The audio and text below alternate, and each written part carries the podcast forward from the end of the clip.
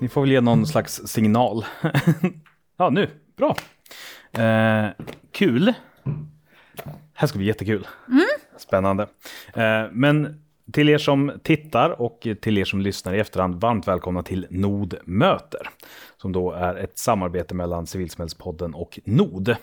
Eh, och just idag så sitter jag här tillsammans med Kristina Ljungros. Eh, och eh, vi ska föra ett samtal lite grann om kris generellt. Eh, och det blir, eh, nu när vi pratade inför så känns det som att vi kommer spåra iväg på lite andra grejer också. Men det är vårt primärfokus i alla fall. I vanliga fall, eh, så när vi har kört nodmöter så har det varit väldigt mycket folk här i lokalen.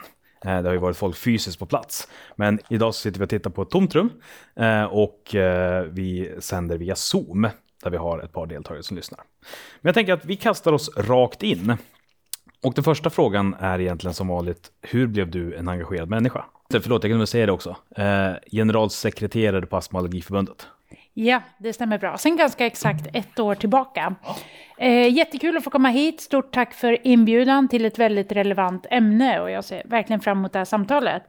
Nej, men hur jag blev samhällsengagerad, det går faktiskt ganska långt tillbaka. Jag började när jag var 13 år eh, med att jag läste Kamratposten. Och där läste jag en insändare om hur man skövlade regnskog. Och det upprörde mig då väldigt. Och då gick jag till mina föräldrar och så sa jag, får man verkligen göra så här? Ja, sa de. Och då sa jag, men det här måste vi ju sätta stopp för. Ja, sa de, gör det då. Ja, hur då? frågade jag. Ja, sa de, starta en förening till exempel. Och då startade jag och en kompis en lokal miljöorganisation i Luleå, där jag kommer ifrån då. Och det blev starten för mitt samhällsengagemang som sen har kommit att forma hela mitt liv skulle jag säga. Just det, men, men vad var det liksom, vad var det som gjorde att den där brinnande känslan uppstod? Eller var det bara någonting som fanns inom dig? Men Jag var nog väldigt samhällsengagerad redan när jag var liten. Eh, läste Råd och Rön och tittade på diverse samhällsprogram och sådär. Så att jag var nog, hade nog ett stort samhällsintresse tidigt. Eh, men förstod då när jag var 13 år att man också kunde göra någonting åt det själv. Och det tyckte jag, när jag fick komma in i föreningslivet så var det verkligen som en dörr som öppnades för mig. Eh, för ganska snabbt då så kom jag, fick jag möjlighet att komma på distriktsmöten i Umeå som då var närmsta större stad och även komma till Stockholm då på riksföreningsmöten och fick chans att träffa lika miljöengagerade ungdomar. Och då när man plötsligt förstår att så här, oj, jag kan åka på ett stort årsmöte med flera hundra deltagare, jag kan skriva ett förslag, jag får vara med och rösta om vad fältbloggarna då i det här fallet ska tycka och tänka i olika frågor. Eh, det var verkligen en ögonöppnare för mig. Och ganska kort efter så fick jag chans att komma med på möten med Sveriges dåvarande miljöminister. Eh, så jag fick chans att sitta och tycka, med om, tycka till om svensk miljöpolitik. Och att komma från Norrbotten, eh, ett lite mindre sammanhang, och plötsligt sitta och tycka till och möta regeringen, det var, det var en häftig upplevelse måste jag säga. Och då förstod jag väl att oj, det går faktiskt att förändra samhället, eh, framförallt om man gör det ihop med andra. Just det. Och eh, var det där någonstans också som, eh, för jag uppfattar lite grann mellan raderna att det också finns, att, att, eh, att det växlar lite grann från miljö till liksom engagemang rent allmänt och att liksom årsmötesformer och beslut och fram och tillbaka. Är det där någonstans som det skiftet skedde också? Att det lades till? Ja, alltså jag, eh, jag har haft ett engagemang i ganska många samhällsfrågor. Jag kan också vara lite otålig som person. Därför, eh, jag höll på med miljöfrågan i ett antal år, men sen fick jag också snabbt upp ögonen för jämställdhetsfrågor. Så vi började driva en feministisk grupp också i Luleå. Eh, vi kallar oss för Kommando Pippi Långstrump och gjorde olika aktioner. Eh, och jag tror att jag tog med mig de verktygen. Jag förstod nog ganska snabbt hur fungerar stadgar, hur fungerar årsmöten, hur kan man ha inflytande, hur kan man göra saker tillsammans med andra. Och när jag hade knäckt den koden, eller vad man ska säga, eh, och dessutom såg att man kunde få pengar för det här, det gick att göra verksamhet, då tog jag med mig de redskapen och sen använt dem i Eh, ett antal samhällsfrågor. Så jag har nog mer varit formen trogen än samhällsfrågorna trogen om jag ska säga så. Utan jag har skiftat frågor under tiden. Och är, det, är det någon slags inneboende otålighet då eller är det någonting annat som bara slump som har gjort att du vandrat mellan frågor på det sättet? Nej, men det är nog, eh, ju mer man lär sig om olika saker och så ser man olika konsekvenser. Eh, det har nog varit det som har varit eh, det avgörande. Man förstår att det finns många samhällsfrågor att ta tag i. Och eh, jag är nog mer av en generalist än en specialist på det sättet. Utan jag tycker att väldigt, det finns väldigt många frågor som intresserar mig. Eh, så jag har hållit på med mycket med bistånd, internationella frågor. Jag har tidigare varit länge på RFSU och det fick jag upp ögonen för en gång när jag var i Zimbabwe och träffade organisationsaktiva ungdomar som jobbade med sexualupplysning under väldigt knappa förhållanden. Så jag tror att den röda tråden har varit att säga att ett, det går att förändra samhället om man gör det ihop. Eh, och två, engagemang är så otroligt roligt eh, och det föds så mycket i mötet med andra människor.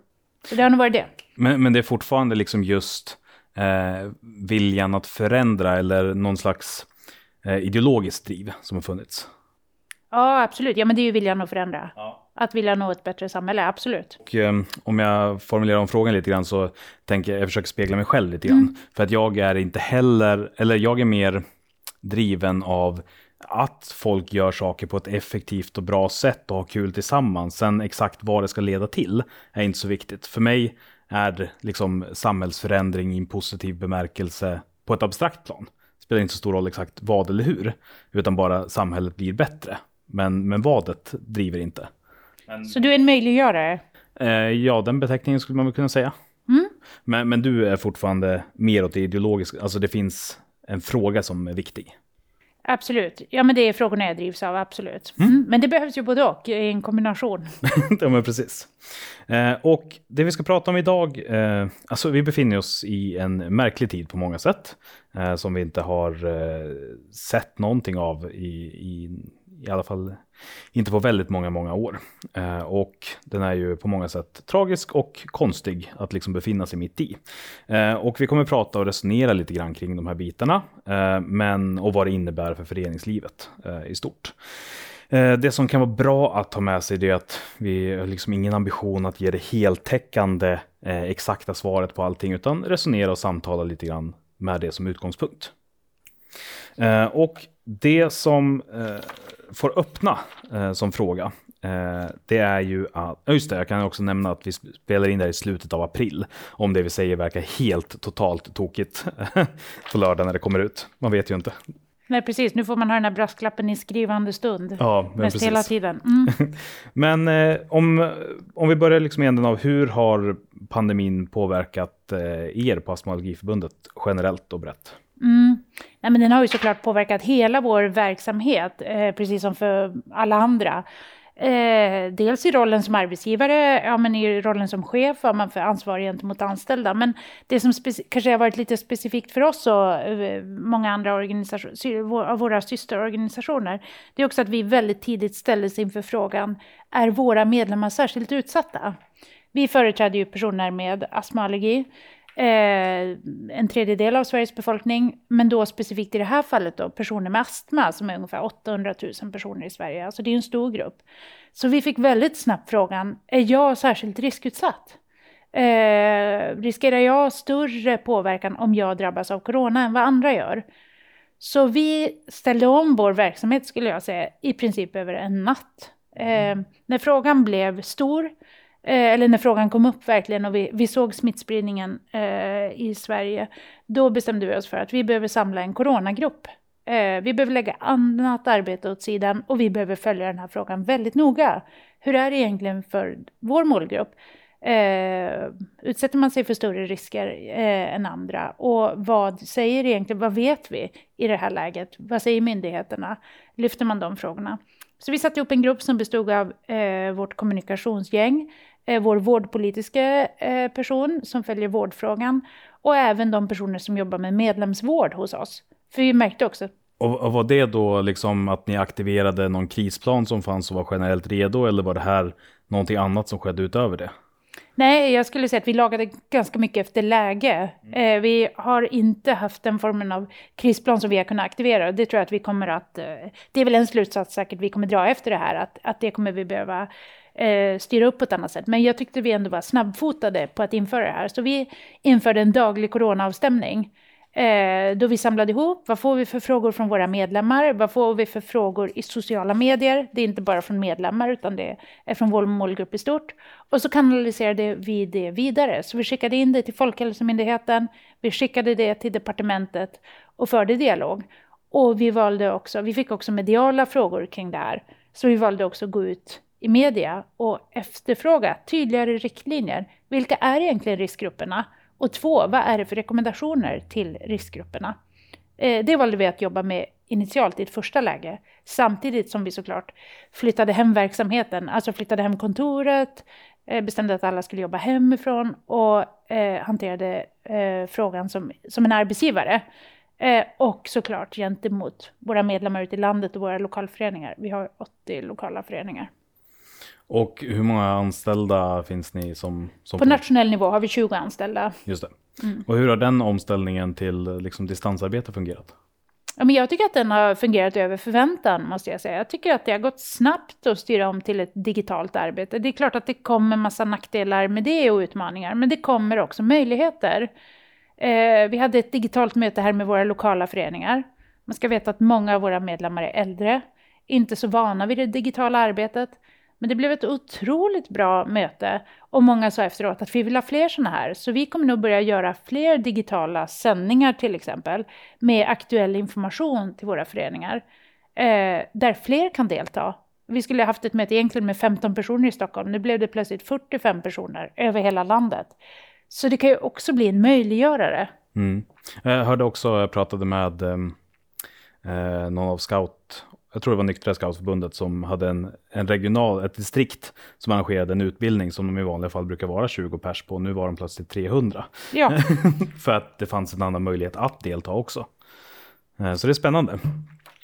Eh, och eh, jag tänkte också på den biten du sa med det mediala och vad var det som gjorde att ni tog det ansvaret att på något sätt förbereda underlag för myndigheter och sådär? Var det, för ni hade lika gärna kunnat inte göra så. Mm, nej men vårt, eh, vårt syfte är ju att förbättra livet för människor med astma, allergi eller annan överkänslighet. Och såklart att bevaka de frågorna. Och i det här läget så har ju vi det ansvaret. Så då bestämde vi att det här är prioritet, eh, vi lägger det andra åt sidan och det är det här vi fokuserar på. Eh, så vi gick ju ut snabbt med skrivelser och frågor till myndigheterna eh, och fick också frågor från media och då gjorde vi noga övervägningar. Ska vi ut och kommentera det här medialt eller inte? Eh, men vi valde då att gå ut en del medialt eh, kring den frågan och vi fick ett mediegenomslag vi aldrig har sett tidigare. Eh, vi la också ut snabbt frågor och svar på vår hemsida. Eh, specifika frågor då kring corona och astma. Eh, och där gick, eh, vi såg bara efter några dagar så kraschade vår hemsida för det hade så många besökare. Eh, och vi gick upp med 500 procent på eh, vår hemsida, antalet personer som var inne och läste och såg. Vi bestämde också tidigt att eh, vi ville jämföra oss med andra länder och se. Det är en sak vad Folkhälsomyndigheten säger. Vi valde, bestämde tidigt att vi följer Folkhälsomyndighetens råd och riktlinjer. Vi hänvisade till det. Eh, men vi valde också i tidigt skede att göra en internationell utblick för att se vad säger man i andra länder om astma och eh, corona som en service till våra medlemmar. Det la vi också ut på vår hemsida och där var det flera eh, journalister som ringde till mig och sa att jag använt er internationella utblick, den är väldigt bra. Så vi ville helt enkelt vara ett serviceorgan. Eh, samtidigt som vi också då såg att när vi ställde frågor till myndigheten och departementet så valde man också aktivt från Folkhälsomyndighetens sida att skriva just om astma i sina frågor och svar på sin hemsida. Just det. Och TT ställde, eller Ekot ringde oss med frågor som de sen ställde direkt på presskonferensen. Och det gör ju, det här gjorde vi ju dels för att informera våra medlemmar, också för att dämpa onödig oro, om det fanns. Eh, men också att komma med, med ja, men den, den, information man hade och med tiden har man ju också lärt sig mer. Jag menar, vi har full respekt för att det här, den här situationen är ny, underlaget, den kunskap man har om corona är inte jättestor. Men nu längs med tiden har gått så har man också tydliggjort att just personer med astma är inte den specifika riskgruppen. Och då har vi också varit tydliga med det. Mm. Och eh, hur eh, förändrades stämningen? Eh, jag tänker, kunde man se väldigt stora skillnader i, i känslan av angelägenhet kring arbetet när det fortfarande var en riskgrupp till dess att det inte mm. blev det? Ja, initialt sa man ju personer med lungsjukdomar och det var ju då vi ville tydliggöra vad menar man egentligen och det, var, det kunde man ju göra sen längs tiden. Ja, alltså det var ju mycket mer oro i början, absolut. Och när det här kunde tydliggöras så sa också många till oss att tack för er information och för att ni har eh, påtalat det här. Nu känner jag mig mycket lugnare. Mm. Och det är precis det man vill uppnå. Så jag tror nog att eh, vi har gått från en fas till en annan. eh, just för vår organisationsräkning. Men det finns ju fortfarande många personer som tillhör en riskgrupp eh, och det har ju tydliggjorts nu med tiden och det är ju otroligt viktigt att vi månar om dem och försöker minska smittspridningen på alla sätt och vis. Mm. Och du var ju lite grann inne på de omställningar jag gjort med lite alltså hemifrånarbete och digital verksamhet på olika sätt. Vad, eh, kan du fördjupa dig i det? Mm. Ja, men vi har ju vanligtvis eh, kanslimöten en gång i veckan då vi samlar personalen. Nu har vi till exempel infört de mötena två gånger i veckan för att ha en tätare dialog. Eh, vi har haft de här dagliga coronaavstämningarna eh, då vi hörs varje dag för att stämma av läget kring det. Eh, de eh, cheferna har ansvar för att stämma av med sin personal. Eh, vi har haft hemmaergonomiföreläsning om hur jobbar man hemifrån, hur får man en bra hemmiljö eller en bra arbetsmiljö i hemmet. För man har ju ofta skapat sitt hem för att bo där, inte för att arbeta där. Och nu plötsligt är allt i ett. Och hur gör man det så bra som möjligt? Man har fått chans att ta hem ja, men, mm, tangentbord, skärm, eh, kontorstol om man önskar det för en bättre arbetsmiljö. Eh, och också att vi försöker som många andra ha såna här digitala fikor och vi har en medarbetare som håller på med triathlon. Hon brukar skicka ut dagens pausgympa som man kan göra om man vill. Så vi försöker skapa en så bra arbetsmiljö som möjligt. Men det är klart att det är påfrestande och att eh, människor kan tycka att det är väldigt jobbigt och det måste man ju ha respekt för och försöka göra det bästa av situationen. Och hur skulle du säga att ditt ledarskap har förändrats då i, i takt med att eh, verksamheten ser annorlunda ut? Ja, alltså... Eller om du har gjort det, ja, måste inte ha gjort det. Ja, jo.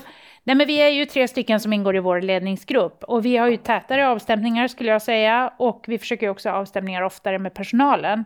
Jag tror också att man kan inte underskatta att vara tydlig på de mötena. Mötena får ju en annan karaktär. Det är svårare med samma deltagande, aktiva deltagande från hela gruppen till exempel. Så det kan jag väl känna ibland att, att den biten skulle man ju önska mer. Mötena blir ofta kortare, mer effektiva.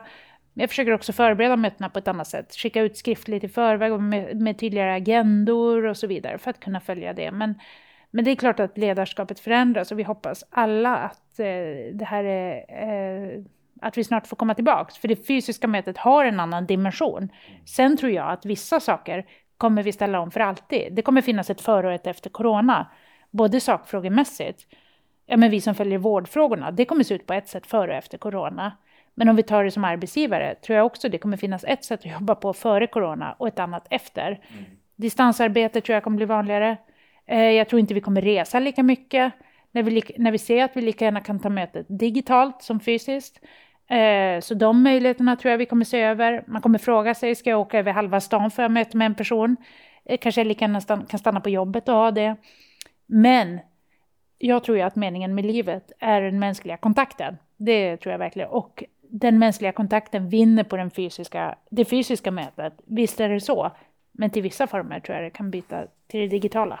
Ja, jag tänker också att framförallt eh, alltså den, den typen av möten som ändå har till syfte att vara relationsbyggande i viss mån. De kommer vara svåra att ersätta. Men, men den typen av möten som bara handlar om ren avstämning eller att kolla av där det, där det är väldigt tydligt liksom fokus på det här, det här, det här, det här. Den kommer ju fler, hoppas jag, eh, kunna liksom se en digital framtid i också, även efter.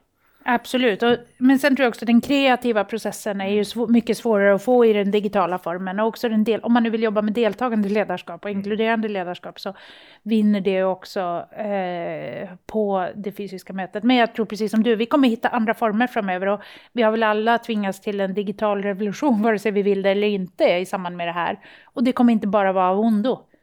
Så är det, utan låt oss se möjligheterna och låt oss sen gifta ihop det med det fysiska mötet så tror jag att vi kommer få eh, men förhoppningsvis en större delaktighet. Också jag då som kommer från en annan del av Stockholm. Att det inte behöver bli lika Stockholmscentrerat framöver. Nej, det vore ju kul om det liksom, om, om slutändan av allt det här blir ganska positiva effekter på det sättet. När, när, när allt är över, så att säga. Um, och jag tänkte, nej jag tappar det, går vi vidare istället. Eh, men eh, om man tittar istället då på verksamheten som sker i föreningarna och eh, alltså inte bara ur perspektiv som arbetsgivare utan mer som organisation. Hur har era lokalföreningar lyckats ställa om och agerat? Mm, från början var det ju väldigt mycket vi ställer in eh, och vi väntar på att vi kan skjuta fram allting. Men nu tror jag att det har blivit uppenbart för alla att det här med att skjuta fram, det, vi har ingen aning om hur länge vi pratar om. Det är lika bra att ställa om.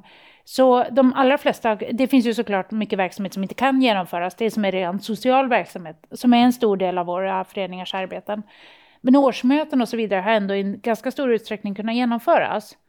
Och jag har tänkt på det här nu under den här perioden, att vi har, vi har, tycker jag, lyckats att gå från att inte ställa in till att ställa om, men faktiskt också expandera vår verksamhet.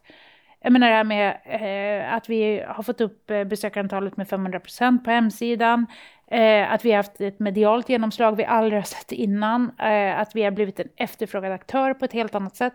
Men också att vi förra veckan hade en konferens som hade dubbelt eller tre gånger så många deltagare som vi hade tänkt oss jämfört med om vi hade haft det fysiska mötet. Det var en konferens som riktade sig till eh, som jobbade med matfrågan och som riktade sig mycket till professionen. Och där når vi helt andra personer än vad vi kanske hade nått annars.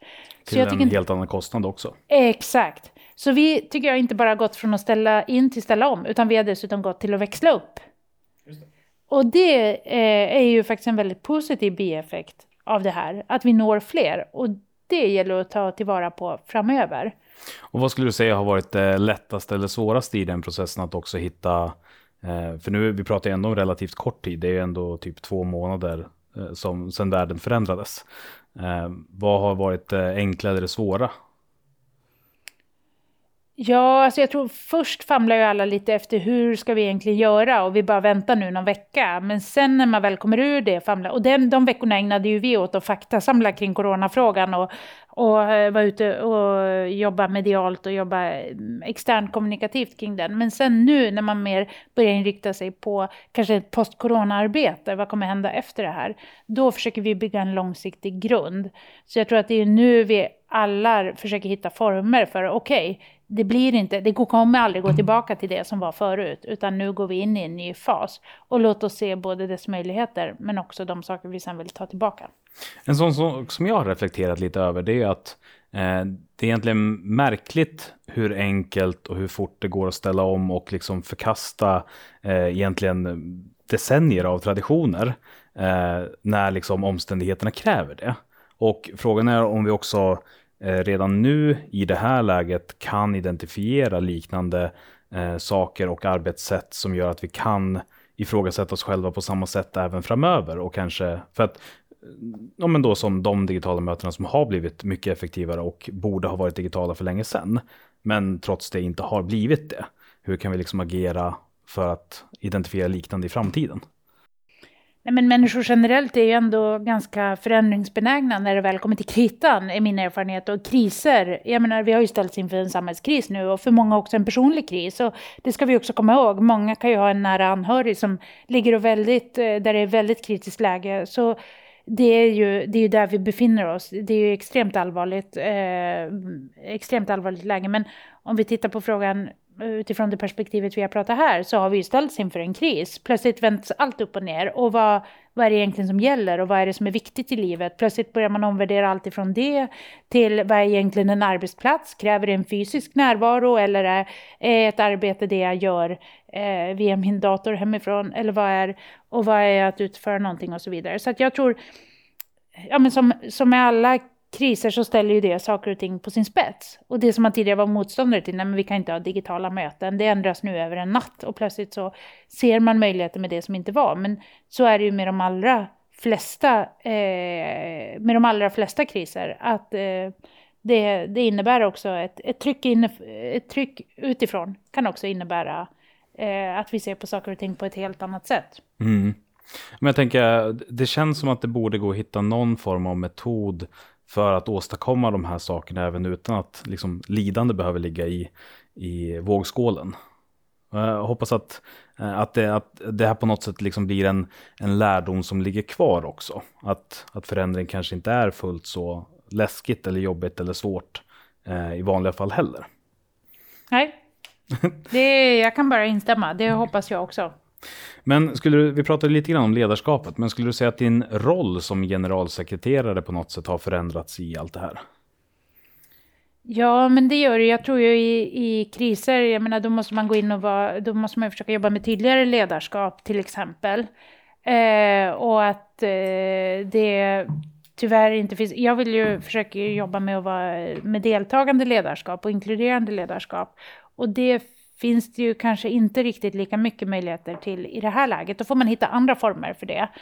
Eh, för jag tror här vill man ju ändå veta vad det är som gäller eh, för mig och min arbetsplats. Och eh, att det är någon som tar ansvar och, eh, för mig och min arbetssituation och för det jag ska utföra och så vidare. Så där tror jag att tydlighet är ju en sån sak. Och så får man också tänka med, på att ledarskapet har olika faser, där man jobbar på ett sätt i kris. Och eh, en, en annan fråga här då rent konkret som vi har ställt oss, det är ju såklart när media ringer, när TT ringer och frågar har ni något nytt, Ekot ringer och frågar vad, är ni inte lite kritiska till Folkhälsomyndigheten och så vidare. Då gäller det att ställa sig frågan, hur, vad är vår externa hållning? Hur, eh, hur ska vi gå ut i det här läget? Vilken tonalitet ska vi ha? Vad är vårt budskap?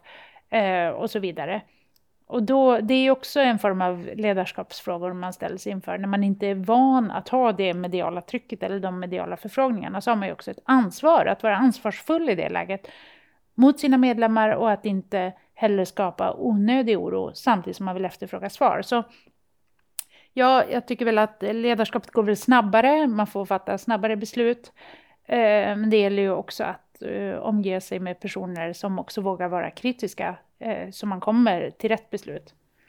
Men den här tydligheten som du pratar om, då, har du några särskilda knep eller tricks som du arbetar med för att säkerställa dem i den digitala miljön? Tydligheten alltså? Ja, jag tror man får vara tydligare i möten med vilket beslut har egentligen fattats, vad blir uppföljningen av det här, vad blir nästa steg? Eh, den formen av, det finns inte utrymme för en massa otydlighet. Sen kan jag säkert bli bättre på det, absolut. Eh, och det ska ju andra utvärdera. Men jag tror man får tänka på, på det och tänka att, att man leder på ett sätt nu och sen eh, kan ledarskapet förhoppningsvis bli mer inkluderande och deltagande framöver än vad det, än vad det har förutsättningar att vara i det här läget. Um, från början när vi planerade det här samtalet, uh, innan epidemin kom, så hade vi tänkt att prata om liksom just relationen mellan anställda och förtroendevalda. Uh, så jag tänker att vi kan ägna en liten stund åt att ändå uh, titta på det, fast snarare ur perspektivet hur, hur man... För det kan ju vara en knepig grej i vanliga fall, när allt funkar som det ska. är det någonting som du har märkt någonting av i den här tiden? Ja, men det är ju en väldigt viktig fråga och det är ju själva grunden i eh, det ideella och i, i, förtroende, eller i, hela, i civilsamhället helt enkelt. Eh, förtroendevalda. Ja, det finns anställd personal. Ja, absolut, absolut. Och jag har ju också varit eh, förtroendevald också på heltid, så jag har ju suttit på båda stolarna. Jag eh, sitter också i styrelser, så jag har också den hatten på mig i andra forum. Nej, men det är ju en grund som inte finns i det offentliga riktigt på samma sätt och eh, ser annorlunda ut i näringslivet och så vidare. Så det är ju vårt grundfundament. Och det tycker jag också är så oerhört spännande och kul att jobba med. Och jag tror att man, kan inte man ska inte underskatta vikten av dialog och framförallt i det här läget avstämningar. Så att man känner sig med på tåget. För det är klart att vi har en styrelse som styr och som är våra medlemmars representanter. Och sen har vi personer som jobbar heltid som ska utföra det dagliga arbetet. Och här krävs det en bra dialog. Så vi har försökt införa eh, regelbundna avstämningar, att höras oftare och stämma av. Hur är läget? Vilka steg tar vi? Sen kan vi vara tvungna att fatta mer aktiva beslut under tiden, för att det behöver man göra i vissa lägen. Ja, men ska vi stänga arbetsplatsen eller inte? Eller vad gäller kring den här frågan? Eller nu måste vi bestämma oss vad är vår hållning inför, eh, inför media eller inför eh, andra frågor som behöver, gå, som behöver gå snabbt. Då kanske inte alltid finns den, den tiden, men vårt mål har varit att, att införa en ännu tätare dialog. Och det tror jag, det tror jag är A och O. Och eh, jag tänker också på, eh, för en sån, eh, det här tydliga mandatet och de ramverken som man liksom på något sätt ska arbeta inom. Jag tänker att de också tänds lite grann på ett konstigt sätt. Men har du eh, tänkt någonting särskilt för att fortfarande inte gå utanför eller ta över. Eh, samtidigt, å ena sidan så har man den akuta biten av att vi måste fixa det här nu. Eh, men samtidigt så kanske det inte riktigt ligger innanför den box som man i vanliga fall hanterar. Ja, precis. Du menar att man tenderar att gå in på eh, förtroendevaldas område? Jag tänker eller? att risken finns i alla fall, när, mm. eh, när allting upplevs eh, mer akut. Ja, nej, men absolut, så kan, det ju, så kan det ju verkligen bli. Och då gäller det ju att veta vilket mandat man har och vilken roll man har. Men sen kan man ju inte heller bli en passiv organisation i ett sånt här läge. Och Eh, det beror helt på vilka frågor man jobbar med, men jag tror att det är väldigt viktigt då att man ändå går in och, och tar ett aktivt beslut. Och, jag menar, ledarskap, vad handlar det? Det handlar, det handlar ju faktiskt om att hantera det oväntade. Det är det hela ledarskapet går ut på, att kunna hantera den situation vi inte har förutsett. Det är det som är ledar, annars kan vi följa en manual ofta. Men det här är ju precis en sån situation vi inte hade förutsett på det här sättet. Jag menar den här broschyren som kom hem till alla svenska hushåll för bara två år sedan där det står när kriset eller kriget kommer. Det står inte ett ord om pandemi. Nej. Däremot har vi lagt massa tid på att formulera andra risker och situationer vi står inför. Så det oväntade kommer alltid att komma, det vet vi med säkerhet. Sen när det kommer och hur det kommer, det har vi ingen aning om. Men där är ju, det är ju det som är det komplexa med ledarskap, att då gäller det att kunna hantera de situationerna. Då får man ju göra så gott man kan helt enkelt. Och eh, då tror jag på att hellre agera och eh, sen be om ursäkt i efterhand än att sitta passiv och inte göra någonting. För i det här läget, det gynnar inte våra medlemmar och vår målgrupp. Och sen får man som sagt hitta kortare möjligheter till avstämningar och så vidare. Och hur tät eh, dialog har, har, har du med styrelsen då? Och nu har vi infört oftare både, styrelsemöt, eller, eh, både styrelsemöten och arbetsutskottsmöten och även avstämning med ordföranden.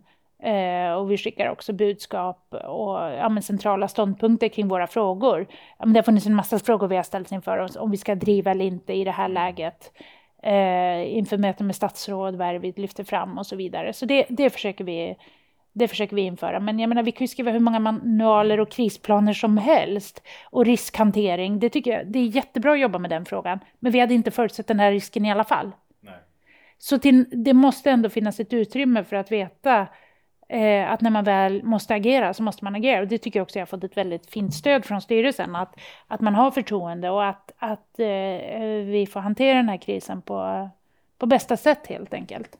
Ja, men eh, det, det jag hör är också på något sätt att ni hade en ganska stabil struktur sedan innan och det har snarare liksom ökats på eller gjorts oftare samma saker. Inte så mycket att man har byggt om hela beslutsprocessen eller liksom eh, eh, kommunikationen sinsemellan. Alltså att man inte har kastat om den helt och hållet utan snarare intensifierat det som redan finns. Ska jag tolka det så? Ja, men det tycker jag nog. Vi har också varit noggranna till exempel med att skicka mer mejl till styrelsen, uppdateringar eh, kring vilka steg vi har tagit. I början skickade vi dem veckovis, även skickade ut, vi brukar skicka ett, eh, ett nyhetsbrev till våra föreningar en gång i månaden. Ett tag gick det istället en gång i veckan till exempel. Och våra frågor och svar uppdaterades ibland dagligen på hemsidan och så vidare. Så att Alltså, ja, men det är väl en annan sak i alla kriser. Information och kommunikation, det kan inte underskattas. Det är sällan människor känner sig för informerade. Eh, och det tror jag man ska med sig, att lägga krut där och tänka att också våga bortprioritera annat. Ja, men just nu så är inte det här prio ett. Vi kan ägna oss åt det i augusti och framåt, eller när det nu finns tid. Och så frigör vi tid och resurser. Och det gjorde vi också med vissa anställda, att man fick lägga om sina arbeten nu under en period. Mm. Eh, för det är annat som är viktigare. Och det är också viktigt att veta Olika medlemmar och olika medarbetare befinner sig på olika ställen i en kris. Man kan ha olika personliga relationer till den. Och eh, att möta personer där de är och att alla tar det här på olika sätt är såklart också en viktig aspekt. Eh, men du beskrev ändå som att ni som organisation mer börjar röra er mot någon slags fas 2 i krishanteringen. Eh, och det, hur går arbetet med att då ställa om från mer den akuta hanteringen till att bygga det mer långsiktiga igen? Mm. Som du var inne på. Ja men precis. Dels eh, ja, men när vi hade rätt ut där huruvida är vi en riskgrupp eller inte som blev vår första fråga. Eh, och sen kom nästa fråga nu, pollensäsongen, vad ska man göra? Symptomen överensstämmer med corona. Kan tyckas som en petitess i det här läget, men det är ju var tredje person som har pollenallergi. Och väljer var tredje busschaufför eller eh, vårdpersonal eller lärare Eh, stannar man hemma då eh, eller inte? Ska man gå till jobbet eller inte? Alltså att ställas inför den frågan är ändå en central fråga i det här läget. Eh, så då lyfte vi ju den frågan med Folkhälsomyndigheten och fick ju tydligt svar att du ska behandla din pollenallergi, gå symptomen bort så ska du gå tillbaka till jobbet. Men det faktiskt, du kan ju både vara, eh, vara en person med pollenallergi och ha corona samtidigt. Så du kan ju i början faktiskt inte veta huruvida du har corona eller inte.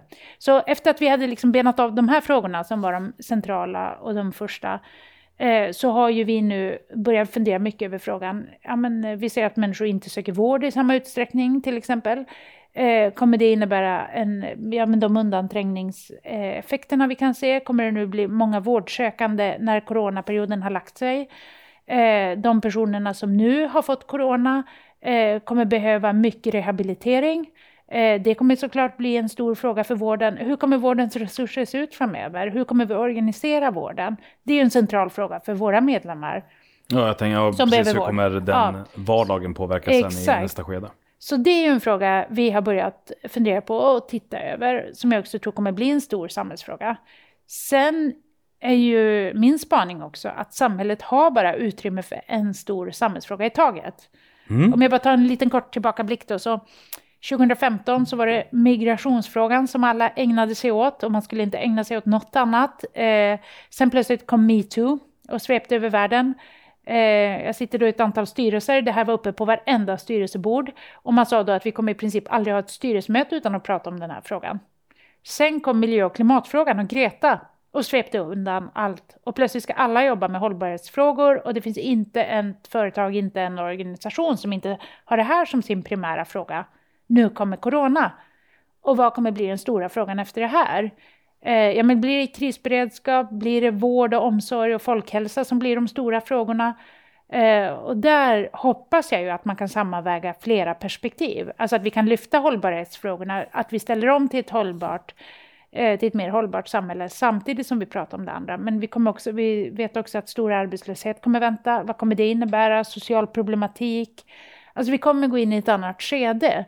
Och där kommer ju civilsamhället att spela en viktig roll. Vad blir uppgiften om det offentliga inte kan ta samma roll som tidigare? Om eh, det blir eh, fler personer i utsatthet, fler barn som far illa eh, och så vidare. Så att vi kommer komma in i ett post-corona tror jag, där civilsamhället, beroende på vilken del man tillhör av civilsamhället, kommer att spela olika roller och tror jag kommer bli än viktigare.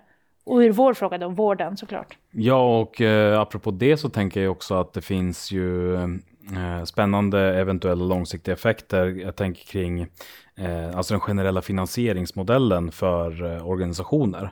Eh, om det offentliga kommer ha möjlighet att bära kostnader på det sätt som det tidigare gjort. Men majoriteten av våra kommuner gick ju inte jättebra innan corona och jag tänker att deras resurser kommer inte öka av det här heller med eh, liksom, fallande skatteunderlag och liknande på grund av arbetslösheten. Så att det, det är också någonting som, som jag funderar en del på. Liksom, kommer man behöva ställa om till ett helt annat civilsamhälle överhuvudtaget? Ja, det tror jag. Och det här kommer att se olika ut för olika branscher. Men det tror jag absolut. Samtidigt som vi också ser, det ska vi, man också komma ihåg, att engagemanget är ju otroligt stort. Och det här såg vi hösten 2015 också med migrationsfrågan. Folk åkte till tågstationer över hela Sverige och vill bidra på olika sätt. Eh, vi såg det med sommarens bränder för två år sedan. Folk eh, mitt i sin semester så åker man ut och hjälper till att rulla brandslang eller eh, hjälper till med fika eller mat eller annat till brandmän. Eh, Så att samhällsengagemanget har väl aldrig varit så stort. Eller Greta lyckas skapa en folkrörelse över hela världen eh, som sätter press på de internationella klimatförhandlingarna. Det är ju mer än hela miljörörelsen har lyckats med på länge. Så att det finns ju också en väldig möjlighet i det frivilliga engagemanget. Och det ser vi ju med corona nu också. Man hjälper till, man går och handlar, man stöttar människor som lever i ensamhet och så vidare. Så att det ska vi ju ta tillvara på. Men, Men- men, men det jag tänker också i alla de exemplen du räknar upp där så handlar det ju väldigt mycket om mobil, mobilisering liksom just runt eh, den, den stora frågan för tillfället. Men, men inte lika mycket organisering eller liksom långsiktigt strukturellt arbete som, som de flesta organisationer annars pysslar med. Eh, Eller åtminstone tror sig pyssla med. På något sätt. Nej, jag håller med. Och det ser jag också, det är ju en trend som vi ser, att det ideella engagemanget blir mycket mer kortsiktigt, eh, mer sakfrågeinriktat. Eh, man är inte organisationslojal på samma sätt. Man är inte Rädda Barnare eller Amnesty-aktivist eller Röda Korsare i 30 år, utan man går in och gör en insats och man vill veta att den gör skillnad. Ja, absolut, vi rör oss till en sån trend och den tror inte jag kommer minska. Men jag, och det tror jag är något som civilsamhället måste ha med sig. Att vi, har, vi måste ha liksom en ryggrad som består av några som bygger strukturen. Men vi måste också möjliggöra kortsiktiga insatser. Eh, och jag tror att lyckas man gifta ihop de här två bitarna på ett bra sätt, ja men då står man väl rustad inför framtiden. För det är inte så att vi kommer backa bakåt i historien, utan vi kommer gå in i en ny fas av, av engagemang. Och det, där har vi som civilsamhälle en hemläxa att göra, det tror jag absolut. Eh, men att det finns ett behov av oss och, eh, som civilsamhälle brett, det finns det ju absolut. Men, men däremot, ja, men som i vårt fall då, många har sökt sig till oss eh, och med vår förhoppning är ju på sikt också att vi får fler medlemmar. Men nu bygger vi förhoppningsvis trovärdighet, efterfrågan Eh, och på sikt hoppas jag att fler också väljer att sen bli betalande medlemmar. Men vårt primära mål är att förändra samhället för människor med våra, som lever med våra frågor. Att påtala vikten av dem. Och det har vi ju, att bli en efterfrågad aktör. Och där har vi ju, eh, tycker jag då, nått en bra bit under den här perioden. Sen får vi fortsätta jobba på det. men lagt Men, grunden för någonting som ja, komma skall.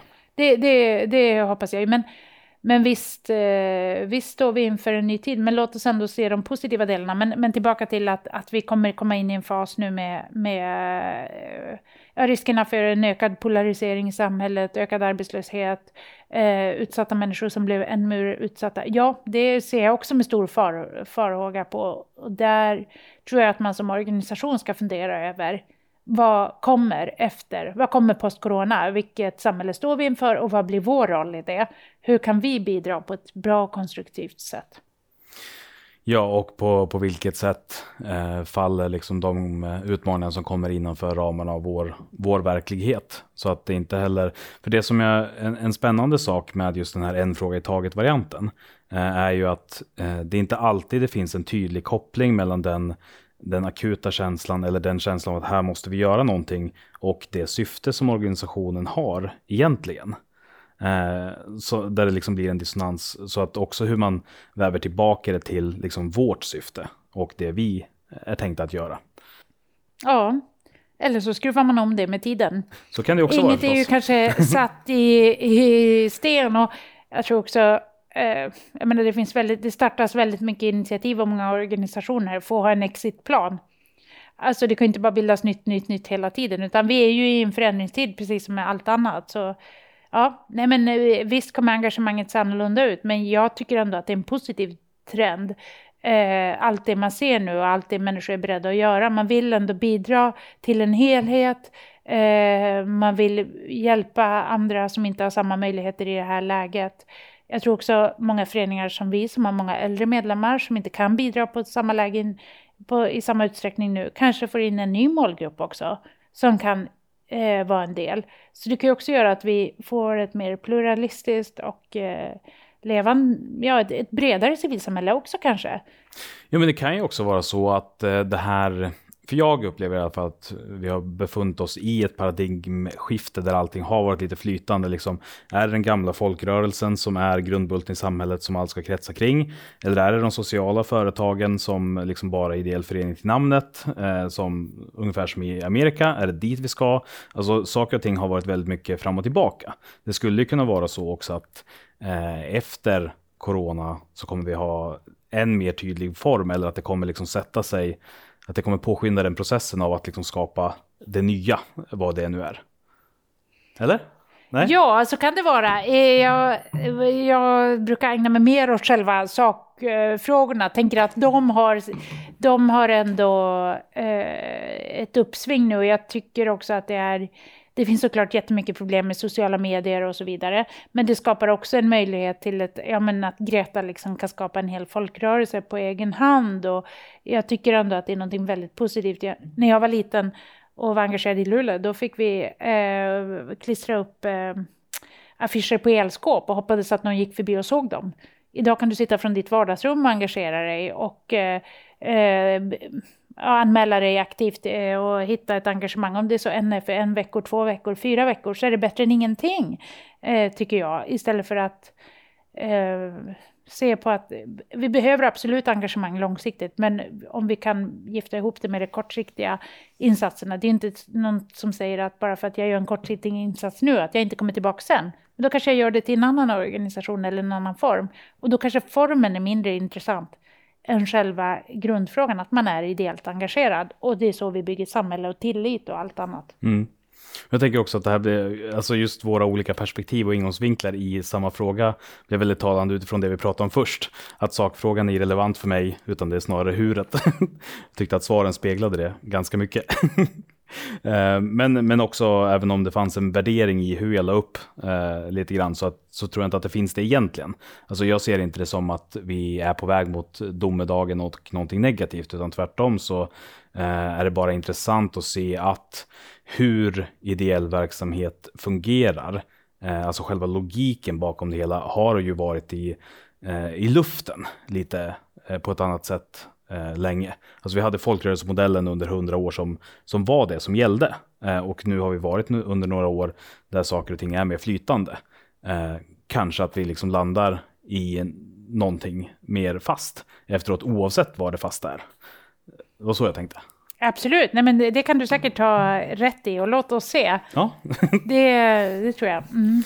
Eh, en annan eh, sista fråga som jag tänkte ställa innan vi öppnar upp för möjligheten att eh, skriva in frågor. De som tittar nu eh, kan komma med frågor om de så vill, så får vi försöka svara på dem också. Eh, men eh, kan man göra tillräckligt som ideell organisation? Jag tänker att det är någonting, i alla fall som jag brottas med eh, i vardagen som det är. Men just i en kristid så blir ju det eh, en ökad känsla. Kan man någonsin göra tillräckligt? Ja, men absolut. Nej, men, eh, själva sakens natur för många föreningar det är ju att man vill förändra samhället och det är man väl aldrig klar med. Eh, så ett svar på den frågan är ju så här, nej. Men det är ju inte möjligt. Den arbetsmiljön kan man ju inte ha. Så det är klart att man måste tänka att just nu är det tillräckligt för det här. Och det försöker vi påminna oss om. Att bara att vi har lyckats ett, ställa om verksamheten, två, alla jobbar hemifrån och vi lyckas dessutom åstadkomma mer än vad vi har gjort innan då måste vi faktiskt vara snälla mot oss själva och tycka att vi har gjort ett jättebra jobb i det här läget. Sen kan man känna sig att vi borde göra det där och det där och det där också. Men då gäller det ju också att gå in och aktivt säga, nej men nu räcker det, nu har vi gjort bra nog för det här. Och så sätt, jag menar har man den visionen att förbättra samhället, då, då kan man ju tänka att man aldrig kan gå hem. Och det går ju inte att jobba under för, sådana förutsättningar. Så att jag tycker att man måste vara snäll med sig själv och sin omgivning och eh, komma ihåg att se det man har åstadkommit, komma ihåg de segrarna, fira dem. Eh, och tillsammans lyfta upp det och vilket team det har varit som har gjort det här jobbet. Hur duktig är du själv på att känna dig nöjd med det du har gjort då? Jo, nej men vi, vi ska faktiskt fira här nästa vecka eh, de framgångar vi har haft. Eh, så det försöker vi göra på olika sätt. Nej men visst gäller det ju att, att stanna upp och också se och jämföra. Därför jämför vi till exempel med siffror mot förra året och vi ser hur mycket frågor vi får, vi ser hur många som ringer oss, hur många som mejlar oss, vilket vi tolkar som ett förtroende för att vi gör ett bra jobb. Och det gäller att komma ihåg det och se det. Och efterfrågade vi är på olika sätt och vis. Eh, så absolut. Ja, ska jag ta upp telefonen för jag fick veta att eh, eventuella frågor skulle skickas till min telefon. Ska vi se om vi har fått någon. Eh, ja, eh, spännande fråga. Eh, vart ser du din organisation om två respektive fem år? Går det ens att spekulera? Ja, är det något man vet så är det att vi väntar, det är det oväntade som väntar. Ja. Det har man väl lärt sig under den här perioden och det tror jag också att man lägger alldeles för mycket tid på att ponera liksom olika framtidsscenarier och det vi vet med allra största säkerhet det är att det oväntade kommer att och inträffa. Nej, men jag, jag tror ju att vi står i ett eh, delvis ett skifte nu med tanke på corona. Eh, och där tror jag att det är bara vi som kan bestämma oss för vilken roll ska vi ta i det. Och eh, den här situationen har ju visat att vi kan vara en mer aktiv samhällsaktör och det var väl min förhoppning också när jag gick in i, i den här rollen och i den här organisationen eftersom vi berör så otroligt många människor. Så jag hoppas att vi är en mer efterfrågad aktör. Jag hoppas också att vi eh, har vuxit som medlemsorganisation. Men jag tror att vi framför allt ska tänka att vi vill förändra samhället. Det är vår primära fråga. Eh, vi vill sätta våra frågor på dagordningen. Just det, så att eh, ha ett allmänt eh, proaktivt förhållande till, till omvärlden istället för att vänta och se vad den ger och sen reagera på det. Ja, nej men jag tror att vårdfrågorna kommer inte minska i betydelse, som är vår huvudfråga. Det kommer bara öka. Och då gäller det bara att vi bestämmer oss för vilken roll vill vi ta i det. Mm. Och där tror jag att vi kan ta en mycket mer aktiv roll. Och det har vi ju påbörjat nu under coronaarbetet. Och det är ju bara vi som sätter den eh, sätter, sätter vår ambition kring det. Så där tror jag att, att ta de möjligheter som ges hoppas jag att vi gör i större utsträckning. Och att vi har eh, nått ut bättre med våra frågor. Att vi har blivit den samhällsaktör som vi har potential att bli och att vi har sänkt våra trösklar. Det tror jag att vi ska fundera mer på än just betalande medlemmar. Det är en viktig fråga, men jag tror att det är så vi gör större skillnad för, för alla de människor vi företräder. Just det. Men, men det är en ganska, eh, jag blev lite chockad för att det var, det var så enkelt i sin, eh, i sin elegans på något sätt. Alltså för att jag har ändå tänkt på frågan utifrån så här, nu när framtiden är mer oviss än vad den brukar vara. Alltså jag vet ju aldrig vad som kommer hända i framtiden, men nu känns det som att jag vet ännu mindre vad som kommer hända. Alltså är det svårt. Men, men det spelar ju egentligen inte så stor roll heller. Alltså det är klart att jag måste planera och ta höjd för eventualiteter, i, även i min vardag som engagerad. Men, eh, men det är ju fortfarande mer intressant vart jag vill vara. Det ja. vet jag ju egentligen, men det låter så lätt när du säger det. ja, vi får väl se. Vi får se som två, två år så får vi utvärdera. Ja, men precis. Ja, Eh, bara läser igenom pappren här och ser om det var någon mer bit som jag hade tänkt att vi skulle prata om. Eh, men det var ingenting mer som jag hade skickat till dig. Men nu när vi har pratat lite grann om det här, finns det någonting som har kommit till dig eller som du känner att du vill tillägga på något sätt? Nej, men jag tycker att vi har eh, pratat eh, igenom det mesta. Jag är också väldigt glad att bo i ett land där vi har så kloka och bra myndigheter tycker jag, som har gjort ett fantastiskt jobb i det här läget. Det ska man ju verkligen komma ihåg. Vår pengar har absolut inte varit att kritisera myndigheterna.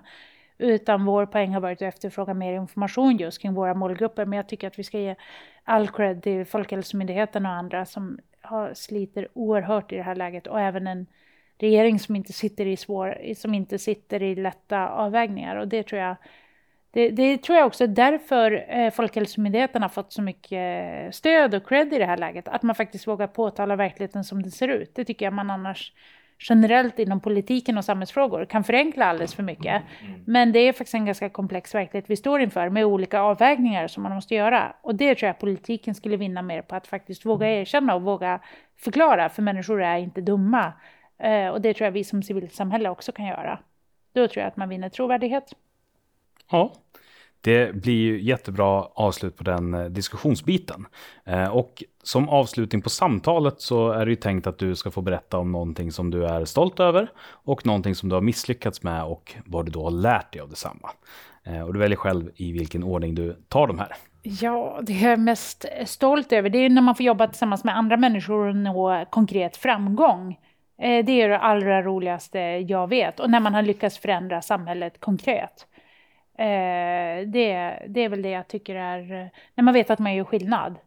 Eh, när jag var på RFSU till exempel och vi jobbade igenom eh, subventionerade preventivmedel för unga och jag vet att det har sänkt aborttalen. Det tycker jag väl är en sån sak som jag vet verkligen har gjort skillnad och har möjliggjort för personer med eh, svagare ekonomi och unga att faktiskt kunna få välja sitt preventivmedel själv. Det tycker jag väl är en sån sak.